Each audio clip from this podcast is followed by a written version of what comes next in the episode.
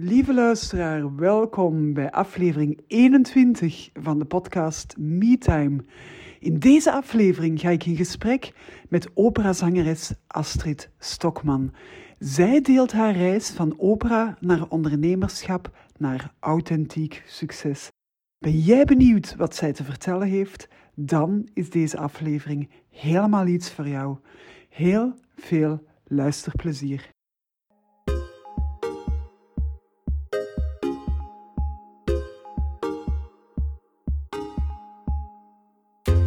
Welkom bij de podcast MeTime, de podcast voor ondernemers die willen groeien zonder balans, voldoening en passie uit het oog te verliezen. Want MeTime staat voor durven ondernemen op jouw manier. Ik ben Anne-Marie van der Wallen en hier trakteer ik op heerlijk toegankelijke porties mindset en persoonlijke groei. Want MeTime gaat over groeischeuten en groeipijnen en over het soms hobbelige parcours naar groei voor jezelf en voor je zaak. Maar MeTime gaat ook over de vreugdedansjes die je maakt als je niet alleen je resultaten haalt, maar ook voldoening en balans vindt in je werk en in je leven. Kortom, MeTime staat voor durven ondernemen op jouw manier. Met tijd voor jezelf en voor wat jij echt belangrijk vindt. In je werk en in je leven. En dan is het nu tijd voor een heerlijke portie MeTime.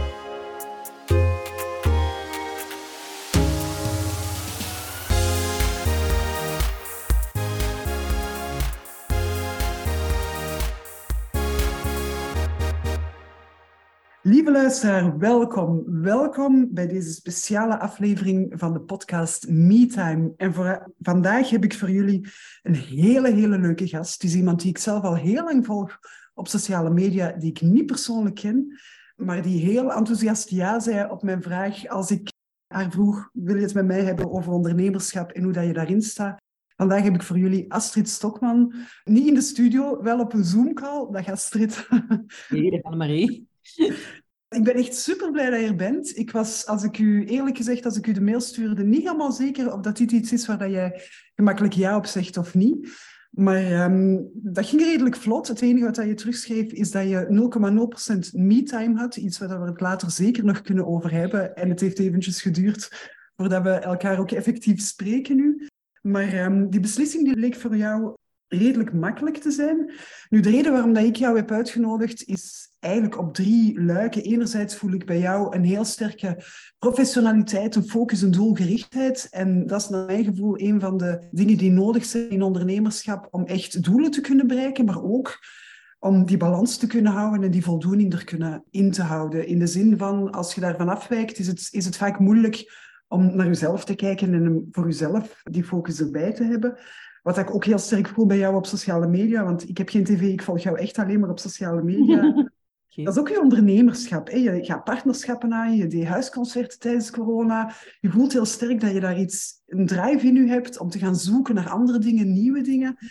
En het derde, en dat vind ik zelf nog het mooiste eigenlijk, dat is dat ik heel veel authenticiteit voel bij jou. Dat je het echt op jouw manier doet.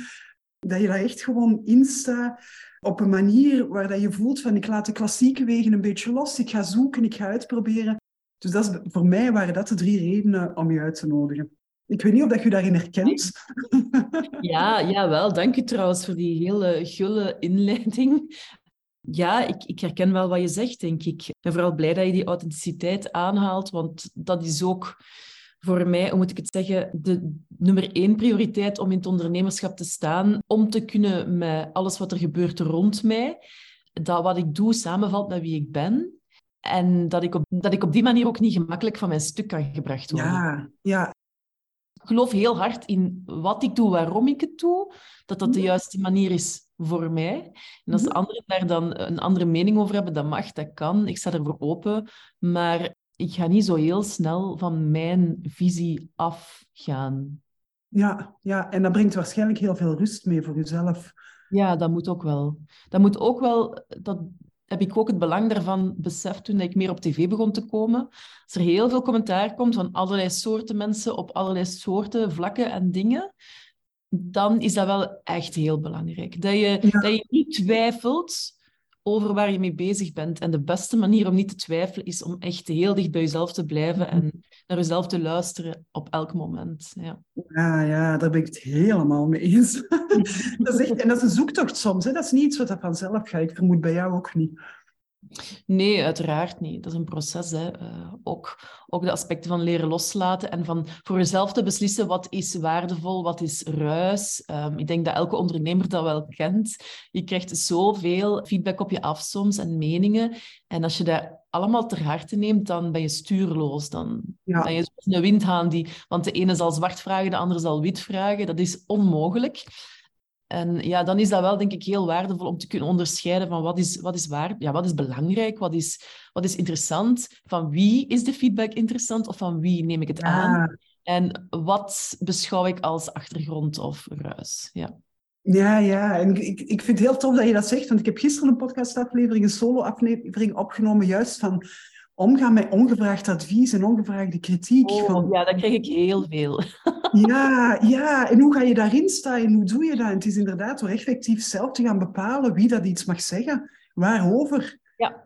Dat je eigenlijk al die ruis, zoals jij het noemt, gewoon kan parkeren zelfs in je onderneming. Ja, ja, en dat, klinkt nu heel gemakkelijk alsof dat je dat zo op 1, 2, 3 doet. Dat is natuurlijk niet zo. Uh, want feedback in het begin dat dat je overkomt, dan raakt dat u altijd. Dat is normaal. Ja, het is echt zoals als je gitaar speelt, als je oefent en je speelt veel gitaar, krijg je eelt op je vingers en voel je de pijn niet meer van de snaren. Het is een beetje dat. Je moet erdoor een paar keer om dan ook te zien en te snappen van ja, ik kan mij dit ook allemaal niet aantrekken, want er is de ruimte niet voor, er is de energie niet voor. En is het relevant?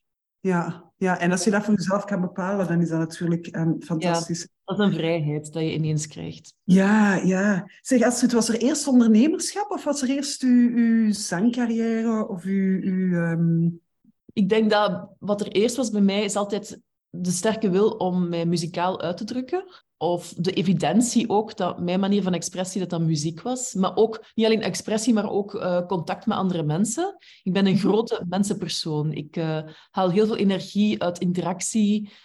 En um, bij mij zat dat heel hard op het muzikale vlak. Dus daar was niet echt een soort van carrièregerichtheid of weet ik veel wat. Maar uh, het is wel zo uitgedraaid. Dat klopt wel. Maar de muziek kwam voor mij altijd ik kwam altijd eerst. En is er ondernemerschap in uw familie? Of is dat iets waar je wel voorbeelden van hebt? Is ondernemerschap geweest mijn grootmoeder.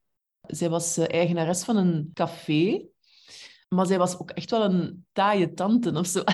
met alle liefde gezegd, ik, ik hield heel veel van haar. Voor mij was dat een beetje een tweede moeder. Zij is heel vroeg gestorven, maar ik zag haar wel. Zij, zij droeg echt zo het zelfstandige bestaan uit. En uh, zij was ook niet makkelijk van haar stuk te brengen. Zij wist heel goed wat ze wou. In die tijd was dat niet zo vanzelfsprekend. Nee. Maar het werd ook wel echt verdragen van haar, omdat zij ook als zij de cafébazin een beetje ja, van heel veel mensen ook de steun en toeverlaat was. Hè. Dat, dat is ook wel, als je, als je vaste stamgasten hebt, dan word je ook een beetje psycholoog. Maar ja, zij had een heel bijzondere kijk op het leven en ze stond daar heel ondernemend in. Absoluut. Echt, eigenlijk, als je daar nu over nadenkt, dat, is een, dat was een vrouw die, die wist wat ze wou en ervoor ging. En ja, in de jaren zestig is dat misschien niet echt waar de mensen op zitten te wachten, maar ze deed het wel. Ja, ja, ja. En, en mag ik zeggen dat ik u daar dan ook wel in herken, in die beschrijving? Voel je dat ook? je mocht dat zeker zeggen, want ik zal dat als een groot compliment uh, opvatten. Ja, absoluut. Ja, want allee, dat is het gevoel... Ik ken u niet, voor de, voor de duidelijkheid, voor de luisteraar. We hebben elkaar nooit ontmoet. En tegelijkertijd voel ik van jou ook heel sterk een, een heel grote gedrevenheid, denk ik, in uw, in uw ondernemerschap. En als je zegt van ja, de psycholoog zelfs op sociale media, gisteren was het de dag van de vrouwelijke ondernemer. Sociale media, ik ken u vandaar, maar ik ben ook zeker niet degene die hele avonden zit te scrollen. Maar ik volg een aantal profielen, heel doelgericht ook. Ik weet heel goed wie dat ik volg. Voor wat? Een beetje wat we daarnet zeiden, van je kiest een beetje zelf wat hij op u laat afkomen. Ja. Eh, maar uw boodschap gisteren was ook gewoon een hele mooie boodschap van, van hou van uzelf. Wat is de belangrijke relatie eigenlijk die dat je hebt? Ja, ik wist zelf niet dat het dag was van de vrouwelijke ondernemer. Jammer dat ik het niet wist, maar nu weet ik het. Nee, mijn boodschap ging eerder over, ja... Ik zag heel veel Valentijn vooral passeren. Was februari. Ik dacht, ja, dat is heel mooi, maar de kern zit inderdaad in hoe hou je van jezelf? Hoe, hoe gedraag je je tegenover jezelf? Ik denk dat dat belangrijk is om, uh, om te weten. Maar ik ben gewoon heel veel bezig met... Ik zou heel graag hebben dat de wereld beter wordt.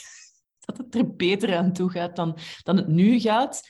En ik heb altijd het gevoel gehad dat ik met mijn muziek dat voor mensen in kleine schaal kon doen. Ik had het gevoel, na een concert komen mensen die daar waren naar mij, met heel veel verhalen, met emoties die ze dan verwerken, uh, met plannen, uh, met daadkracht ook soms. Van, ik ga, ja. ik ga terug beginnen zingen. Ik dacht dat ik het niet meer kon. Ik ben nu 60, maar ik ga het gewoon doen. Um, en dat kippenvel als ik dat hoor. Ja, voor mij is dat ook altijd heel vervullend. Maar je merkt gewoon dat je bij sommige mensen op kleine schaal een steentje kan verleggen hè, in een rivier.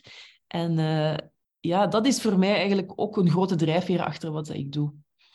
Ja, ja, en die drijfveer, dat is die drijfveer die dat ik voel bij jou. Die, die, ja, die, drijf, die, die, hoe zal ik het zeggen, dat je ondernemerschap ook bijna gaat gebruiken om die drijfveer in de wereld te zetten. Ik weet niet of ik het zojuist uitdruk. Of ja, je... misschien, misschien wel. Ik, ik geloof heel hard in empowerment. Andere mensen kracht geven. Mensen die naar mijn concert komen, maar ook collega's die zelfstandiger zouden willen worden of zo. Daar ben ik ook heel hard mee bezig. Ik sta heel open voor gesprekken, voor mensen die twijfelen van, zal ik eh, met mijn artistieke praktijk de ondernemersstap zetten, ja of nee? En ik geloof ook dat muziek en kunst dan breder in het algemeen heel veel kracht heeft om mensen op positieve manier empowerment te geven. Omdat ik dat zelf ook voel, omdat ik dat zie bij mensen die, die, die langskomen op mijn concerten. En dat is voor mij de grote, grote waarde van kunst. Ja. Mhm, mhm. ja, en daar ligt dan natuurlijk ook direct weer die link naar de persoonlijke. Hè? Kunst is de meest persoonlijke uitdrukkingsvorm die je kunt voorstellen. Ja. Ja, ik zei het al, hè, de ondernemen op jouw manier. Um, MeTime, dat staat voor in dit geval in de podcast oog hebben voor jezelf, maar we hebben het er eigenlijk gewoon al over gehad. Hè. Dat is misschien nog de belangrijkste relatie die dat je hebt in je leven. Dat is die relatie met jezelf en hoe dat je daarin staat en hoe dat je daarin kunt groeien. Is dat bij u een bewuste beslissing geweest op een bepaald moment? Of is dat iets wat, dat, wat dat met de paplepel is ingegeven van dat is gewoon de belangrijkste relatie die je hebt en heb je dat van thuis meegekregen? Dat is een goede vraag. Ik denk dat er bij mij van kind af aan altijd al een groot belang heeft ingezeten bij mezelf van mezelf te kunnen zijn. Um, Ik weet ook niet waar dat komt. Ik denk dat dat echt in mijn karakter zit.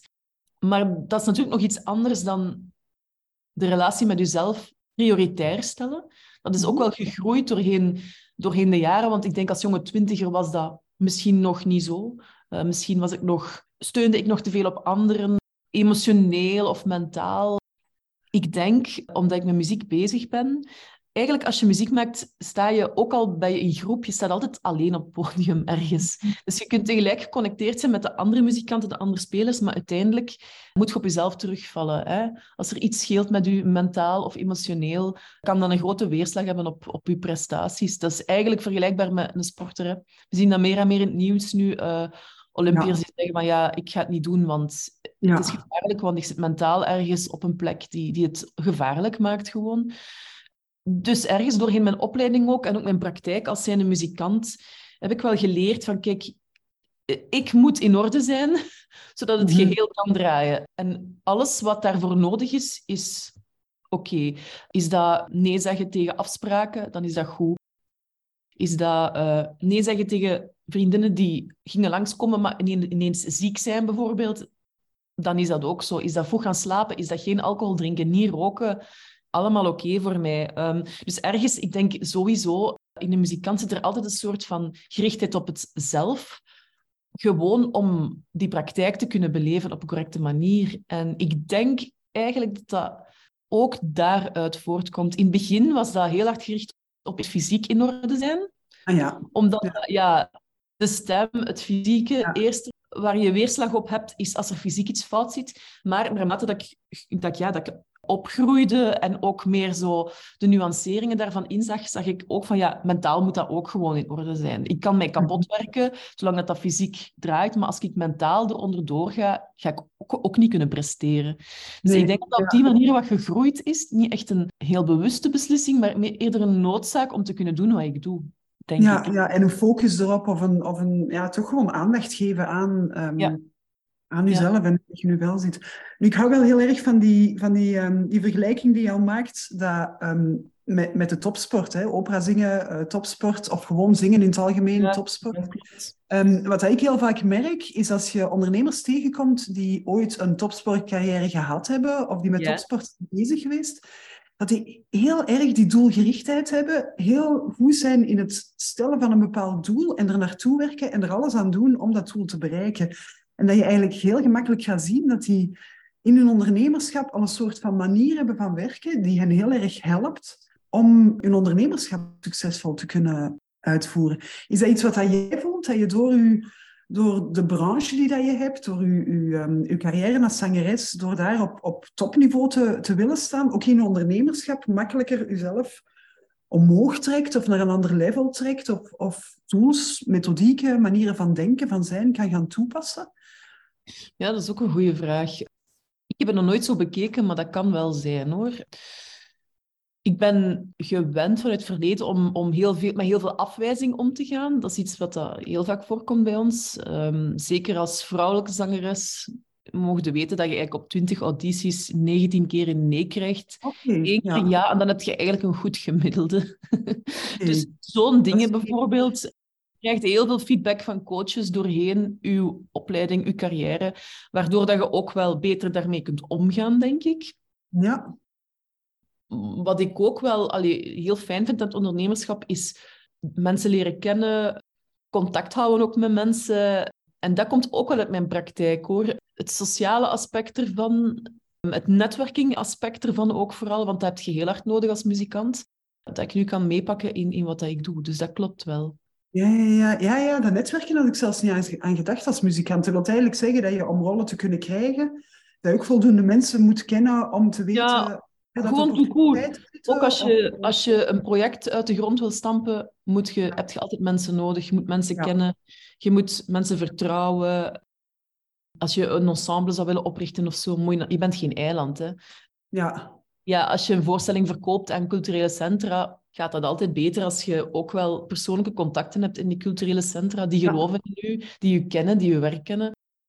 Op dat vlak is het wel een beetje vergelijkbaar, dat klopt, ja.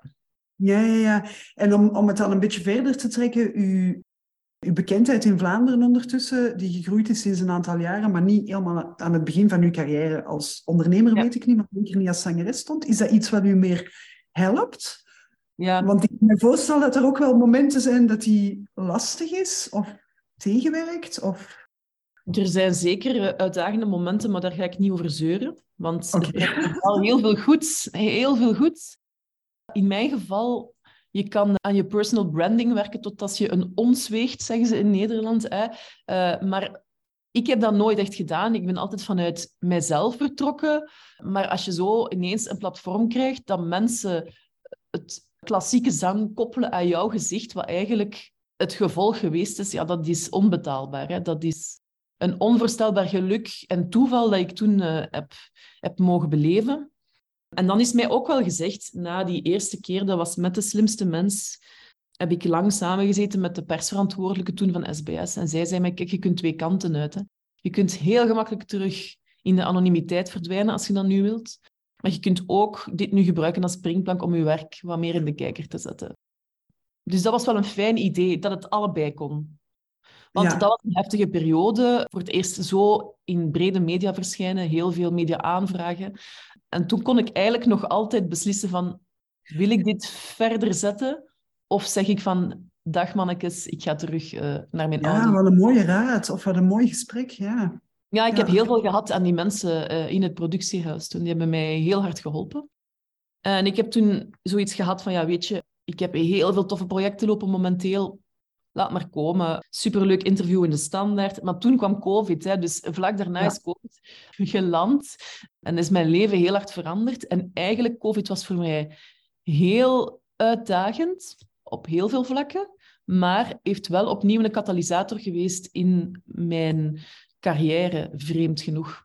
Ik wil niet het woord dankbaar uitspreken tegenover COVID, want dat ben ik niet. ik ben niet dankbaar voor die periode. Maar het heeft er wel voor gezorgd dat eigenlijk mijn carrière nog een vlucht genomen heeft. Ja. Ja, wat, wat ik toen heel sterk voelde, maar ik zeg het opnieuw, ik, ik volg van op afstand, is, is een beetje dat ik daar in twee sporen ging. Enerzijds heel sterk op het maatschappelijke.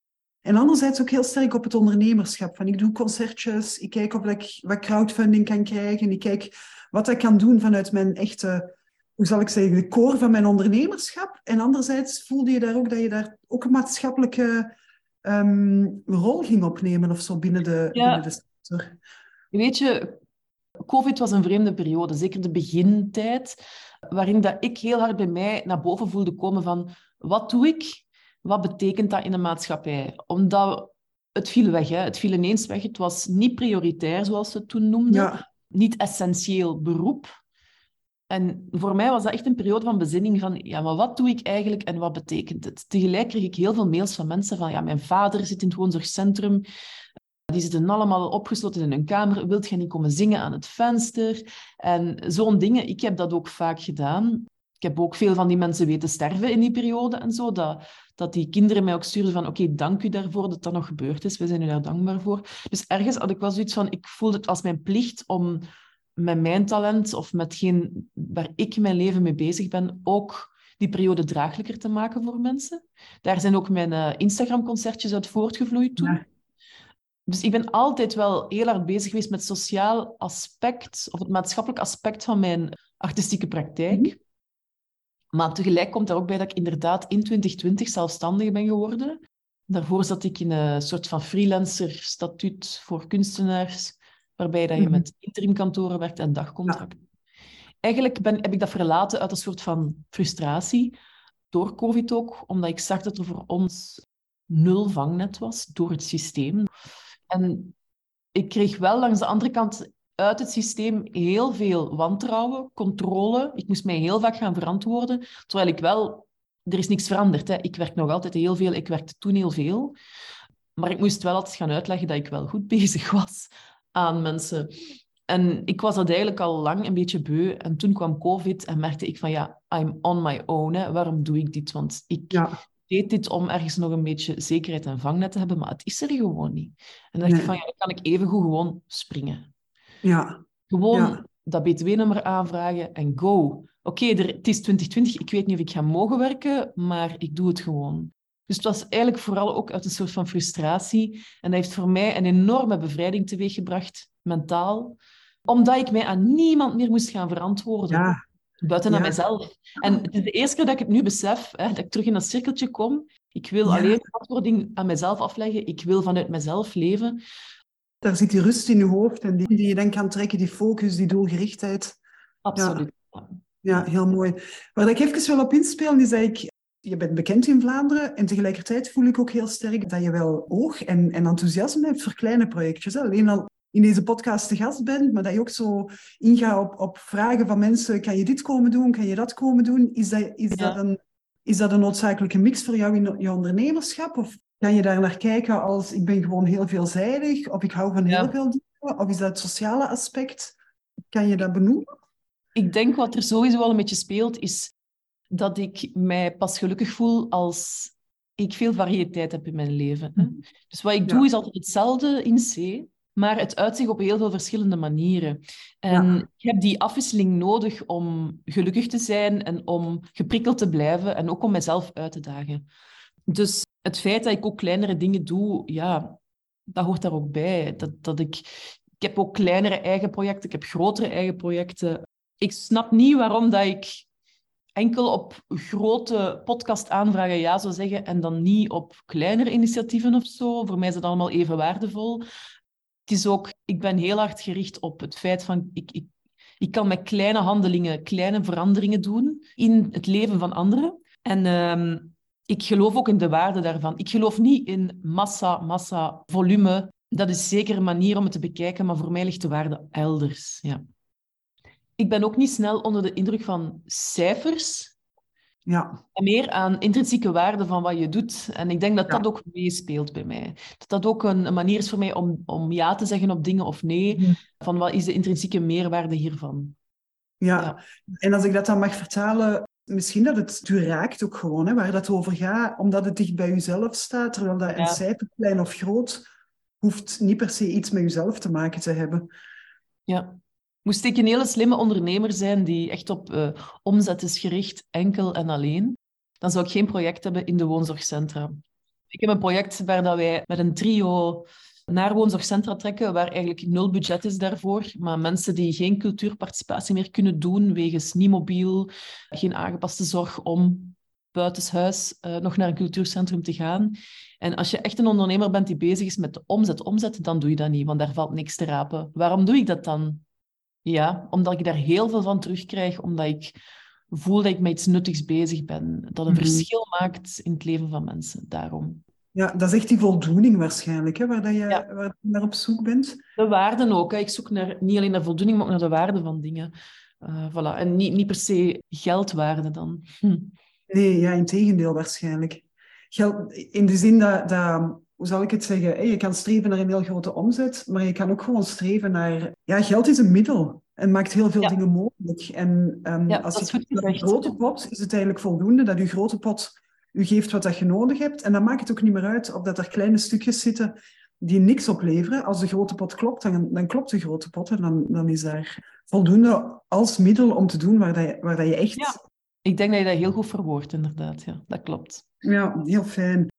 Ik wil nog eventjes ingaan op sociale media, want je zei er straks, of je liet het eventjes vallen, ik ben ook helemaal niet bezig met personal branding of dergelijke meer laat mij zeggen dat ik dan, als dat zo is, enorm opkijk naar hoe dat je het doet. Want ik ben daar heel erg zelf toe. In hoe dat je dat kan doen op een authentieke manier, die klopt voor jezelf. Waar dat ook tijdsinvestering ook nog oké is. En waar dat je het ook systematisch doet en dergelijke meer.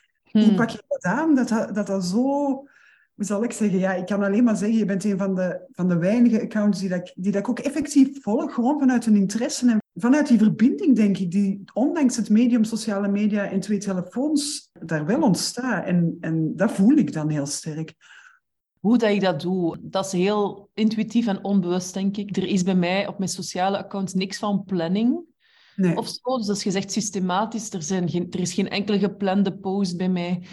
Meestal is dat echt een hunch of the moment dat ik ineens een ingeving krijg of met iets bezig ben en echt letterlijk uit mijn leven gegrepen. Hè? Ja.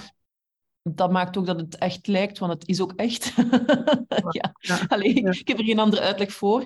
Maar ik wist zelfs niet dat het een ding was tot een paar jaar geleden. Een student conservatorium waar ik gestudeerd heb, mij aansprak. En die hebben sinds kort een vak ondernemen voor muzikanten. En dat, ik zit in de resonantieraad bij die hogeschool, dus dat wil zeggen dat ik eigenlijk vanuit het werkveld hun opleiding mee evalueer en zeg van ja, dit ontbreekt. En ik heb altijd daar heel hard ge, gehamerd op waar zit het ondernemerschap, want het is onontbeerlijk. Vandaag als artiest, als muzikant, je moet een basisnotie hebben van ondernemen. En dus die student sprak mij aan en die zei, blijkbaar werkt Klo Willaerts voor u. Ik weet niet of je Klo kent. Ze is een trendwatcher. naam, ja, ja. En ik dacht, maar ha, Klo, werken voor mij, wat is dat? Ja, onze docent heeft dat gezegd. En ik dacht, maar wat is dat? Ik ga dat uitzoeken. Dus ik mail naar Klo. Ik zeg, ja, Klo, ik krijg hier iets. Ik weet niet van waar kan dat komen. En blijkbaar had zij een soort van lezing gegeven over personal branding, dat ze een paar best practices boven had. En ik zat daar dus tussen, wat ik een hele eer vond. Maar toen dacht ik ook van, oh, fijn, maar daar zit niks bewust achter. Ja. Dus ik denk wel heel veel na over als ik iets post van hoe kan ik dat zo verbindend mogelijk doen? Hoe kan ik mhm. zorgen dat mensen zich niet uitgesloten voelen uit dit verhaal? Want die is ook niet nodig of dat is ook niet zo. Hoe kan ik iets of iemand in het licht zetten op een zo positief mogelijke manier dat je er eigenlijk bijna niet tegen kan zijn? Ja. Snap je? Als ik in iets geloof, ja. als ik een statement maak over LGBTQ-gemeenschap, weet ik dat ik heel veel commentaar kan krijgen. Maar is het mogelijk om het op een manier te doen ja. dat we eigenlijk echt ervan uitgaan van wij zijn allemaal mensen. Ja. Dat is de basis. En hoe kan ik het zo formuleren dat zelfs de, grootste tegenstander misschien kan denken van ja, ergens is er wel een punt. Dus dat, dat is wel iets waar ik heel vaak aan denk, het verbindend communiceren. Ik heb daar nooit een masterclass over gevolgd of een boek over gelezen of zo. Is voor mij wel belangrijk in mijn communicatie. Ja. Mhm, mhm. en, en waarschijnlijk ook in ondernemerschap. Hè? Je hebt het al gehad over uw muziek, die voor jou ook die, die verbindende factor is en waar dat je mensen mee wil raken. Ik, ik voel het bijna aan als een verlengde van het podium of zo. Mhm. Op een andere manier. Ja, dat klopt. Als ik soloconcerten doe, of vaak ook bij opdrachten voor bedrijven, als ik B2B doe, gebeurt het heel vaak dat ik uh, ook vertel tussendoor waarom dat ik die muziek kies. Dat is altijd het, mijn eigen leven, wederom. of met een bepaalde boodschap. En ik merk heel vaak bij concerten van mij dat er een verbinding ontstaat. Is dat in een cc of is dat bij een strategy briefing van een bedrijf? Op het einde gebeurt het vaak dat iedereen meezingt en de iPhone-lampjes in de lucht steekt en dan voelt je van hier is iets gebeurd. Er is een soort van link gecreëerd tussen die mensen, zonder dat ik daar actief naar jaag. Want ik besef ook dat dat niet altijd gebeurt of niet altijd kan gebeuren, maar heel vaak gebeurt dat wel. Voor mij is dat het belangrijkste. Dan is, dat is voor mij nog belangrijker dan heb ik nu alles perfect gezongen vandaag. Ja. Ja. Ja, en dat is misschien wat we dan in die sociale media um, ook heel sterk voelen. Wat ik, wat ik u hoor zeggen is ook, um, ik ben er niet bewust mee bezig, maar anderzijds kan je wel heel bewust een paar vragen opnoemen en vermoed ik ook dat je er wel bewust tijd voor neemt. En dat je wel bewust in je dag, als je een idee hebt of in het moment zelf zegt van oké, nu stop ik eventjes en ik ga toch wel tien minuten, een kwartier bewust de foto kiezen of bewust de tekst schrijven of, of is dat zelfs niet zo? ik denk daar nooit in zo'n termen over. Maar het ding is ook, ik ben nu 34, ik ben quasi opgegroeid met sociale media. Ja. Voor mij is dat eigenlijk geen taak of zo. Dat is altijd als tiener al in mijn leven geweest, toen dat je MySpace Zo is dat begonnen en MSN. En dat is dan uitgegroeid naar allerlei andere netlog, Twitter, Facebook. Dat is altijd in mijn leven geweest. Ik heb dat altijd gebruikt. Mij voelt dat niet als, oh, ik heb deze week uh, nog niks gepost. Ik ga er eens een kwartier nadenken wat ik kan posten. Nee, nee. Ja, ja, en dat is dan heel interessant, want zo heb ik er nog nooit naar gekeken. Van, ah ja, dat is gewoon, ik ben daar niet mee opgegroeid. Ik ben 47. Dan dus denk ik dat dat niet zo simpel is, inderdaad. Dan moet je echt aan denken van, ik moet dat nog doen, maar bij mij is dat een beetje een dagelijkse reflex. Als ik iets meemaak of, of zie of doe, dan ah ja, daar kan ik misschien iets van online zetten. Voor mij is dat een verlengstuk van mijn, van mijn leven. Ja, ja, ja, dat is mooi ook. Waar wou ik het nog over hebben? Ah ja, ik zei het er straks al in de inleiding, dat je, toen ik je uitnodigde, dat je terugschreef. Ironisch genoeg heb ik op dit moment 0,0% me-time. Ja. Uh, Dus ja, deze podcast noemt me-time ook um, omdat hij wil gaan over jezelf zijn, maar ook tijd voor jezelf. Maak jij bewust tijd voor jezelf of vind jij voldoende tijd voor jezelf in waar dat je mee bezig bent? Um, ik probeer dat, maar dat is in mijn job heel moeilijk, omdat ik een creative ben die op locatie moet zijn. Hè? Ik moet aanwezig zijn op een plek om mijn ding te kunnen doen. En ik heb heel veel projecten die door elkaar lopen, zoals dat je al zei. Soms komt er dan een groter project op je pad en puur agendamatig kun je dat inderdaad misschien aan, maar er staan al dingen gepland waar dat je dan tussen moet wringen. En zo kan het wel eens gebeuren. Je kunt moeilijk nee zeggen op een groot project, omdat er twee dagen of hele zwaar beladen momenten zijn. Dat ik echt zeven op zeven aan het zingen ben, weken aan een stuk dat er geen vrije dag is. Ik ben daar altijd al bewust mee bezig geweest, omdat ik weet wat de grenzen zijn van mijn stem, van mijn lijf, van mijn geest. Ik kan dat ook ongeveer wel inschatten, maar toch gaat het er noodzakelijkerwijs vaak een keer over. Hè. En dan word ik ook weer geconfronteerd met het belang van die me-time. Dan kan ik echt uitkijken naar die week vakantie dat ik gepland heb, of dat weekendje weg met een vriendin of zo. En toevallig mijn eh, voornemen voor 2023 was ook om echt elke maand iets te doen voor mezelf, iets leuks dat niet met de muziek te maken heeft. Want ik vind de muziek zodanig leuk dat het gevaar is dat ik er constant mee bezig zou zijn. Uh, maar dan ook echt dat het een paar dagen aan een stuk zijn dat ik blokkeer in mijn agenda. En er mag niks opkomen. Dat is heilig. En op die manier ga ik... Ik ben goed bezig voor dit jaar. Ik zit al in mei of juni met mijn plannen. En op die manier denk ik dat wel... Allee, ik voelde na mijn week vakantie in januari... Ik voelde mij terugkomen als een andere mens. Ik had veel meer ruimte in mijn hoofd, veel meer zuurstof voor ideeën. En ja, dat was lang geleden dat ik mij zo gevoeld had. Dus ik ga daar nu dit jaar in investeren. Dat ik zeker ook genoeg niet werk en dat alles zo'n beetje kan blijven draaien in mijn hoofd. Ja.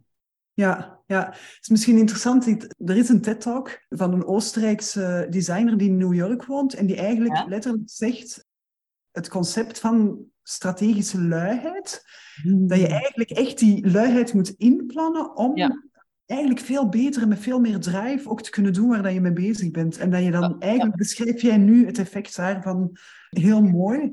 Dat klopt, want wij denken vaak bij ja, het concept creativiteit, dat is zoiets mythisch, hè, waar heel veel mensen die ondernemen ook zo willen, willen grijpen van wat is dat nu eigenlijk. Dat is eigenlijk heel simpel. Creativiteit is een bijproduct van heel lang niks doen. Ja. Soms kunnen we een beetje pushen, maar eigenlijk echte creativiteit komt op een onbewaakt moment, dat je losgekoppeld bent en dat je geest echt alle kanten uit kan gaan, zonder dat het gedwongen wordt. En dan komen de, de ideeën. Dus eigenlijk, ja, creativiteit, dat blijft iets... Soms moet je creatief zijn on demand, op bevel. En dat is heel moeilijk. Het kan tot een bepaalde mate, maar als je echt tot waardevolle ideeën wilt komen, heb je eigenlijk die loskoppeling nodig. Dat is een voorwaarde bijna. Ja, ja, en die komen dan ook meestal als je onder de douche staat en de regen op je voelt en, en dergelijke meer. Dan, je merkt dat ook in je eigen leven, hè, dat dat de momenten zijn dat die ideeën komen en dat er over gaat van die te pakken, te vatten en, um, en mee te nemen in de rest. Ik denk dat we zo stil aan gaan afronden. Ik heb sowieso altijd een laatste vraag bij gasten in deze podcast. En dat is, wat wil jij nog graag meegeven aan luisteraars? Heb jij iets waarvan je, dat je zegt van, we hebben dat nog niet besproken, maar dat is voor mij zo belangrijk. Dat is of iets dat je leven bepaalt of heeft omgegooid of een inzicht? Of... Oh, ik heb geen uh, wereldschokkende inzichten. Ik ben ook iemand die maar dag per dag bijleert en, en groeit. Maar wat ik wel uh, enorm heb leren appreciëren, ik besef dat niemand is een eiland. Dus je geraakt op bepaalde plekken dankzij anderen. En die dankbaarheid voor die mensen, dat vind ik heel belangrijk. Ik heb van sommige mensen gewoon kansen gekregen op een cruciaal moment. En oké, je verzilvert ze zelf, maar ja, het doet mij deugd om, om te beseffen dat het ook wel komt door de gulheid van anderen, dat ik die kon verzilveren. Ja, ik vind dat een heel belangrijke eigenschap, dat je blijft beseffen met de voeten op de grond van kijk, ik heb het aan anderen te danken en ook om dat dan voor te zetten voor anderen. Dat je ook andere mensen dan kansen geeft. De gulheid daarvan, dat apprecieer ik enorm. Ik denk dat als ondernemer dat je heel gul moet zijn. En de gulheid dat je zelf ervaren hebt om te geraken waar je bent geraakt, echt gewoon ook naar andere mensen uitstraalt en geeft. Ja. Ja, ik vind het een super mooie noot om op te eindigen. En ik kan ah, gewoon binnenkoppen van Astrid, dank je wel voor uw gulheid om hier vandaag ah, te zijn. Want dat, is heel fijn om met jou te praten, Annemarie. dat is voor mij ook absoluut een heel leuk gesprek. Allerlaatste vraag, waar kunnen luisteraars u volgen, u vinden? Website, LinkedIn, social media? Want ja, het is overal... Uh, die er zin in gaan krijgen. Het is overal Astrid Stokman. Iedereen is welkom. Mijn Instagram is heel actief. Astrid Stokman gewoon, één woord. En mijn website is astridstokman.com, maar aangezien dat ik alles alleen doe in mijn bedrijfje, is die concertkalender soms een beetje niet up-to-date, maar ik doe mijn best. En op LinkedIn is het ook Astrid Stokman. Iedereen is welkom, voilà.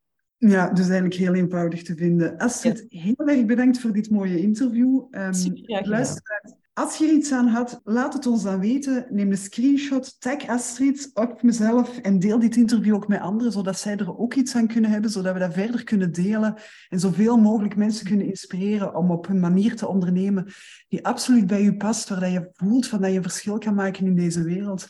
En ik hoop nog heel veel ondernemers zoals Astrid te interviewen in deze podcast, want dit zijn echte interviews die deugd doen, die fijn zijn, energie geven. Dit was het voor vandaag. Heel graag tot een volgende aflevering van de podcast MeTime. Dag!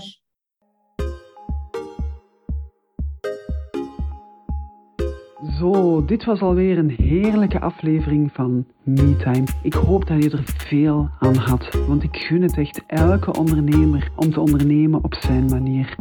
Als jij daar ook zo over denkt, dan kan je me helpen om MeTime verder te verspreiden. Stuur de podcastlink in de show notes door naar vrienden, collega's of familie.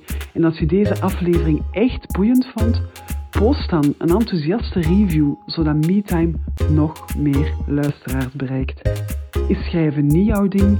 Gewoon 5 sterren geven helpt ook ongelooflijk goed. Of neem een screenshot en deel hem op je Instagram. Als je dat doet, tag me dan met Anne-Marie van de Wallen en ik zorg voor een shout-out. Dit was het voor vandaag. Heel graag tot heel snel voor een nieuwe portie MeTime.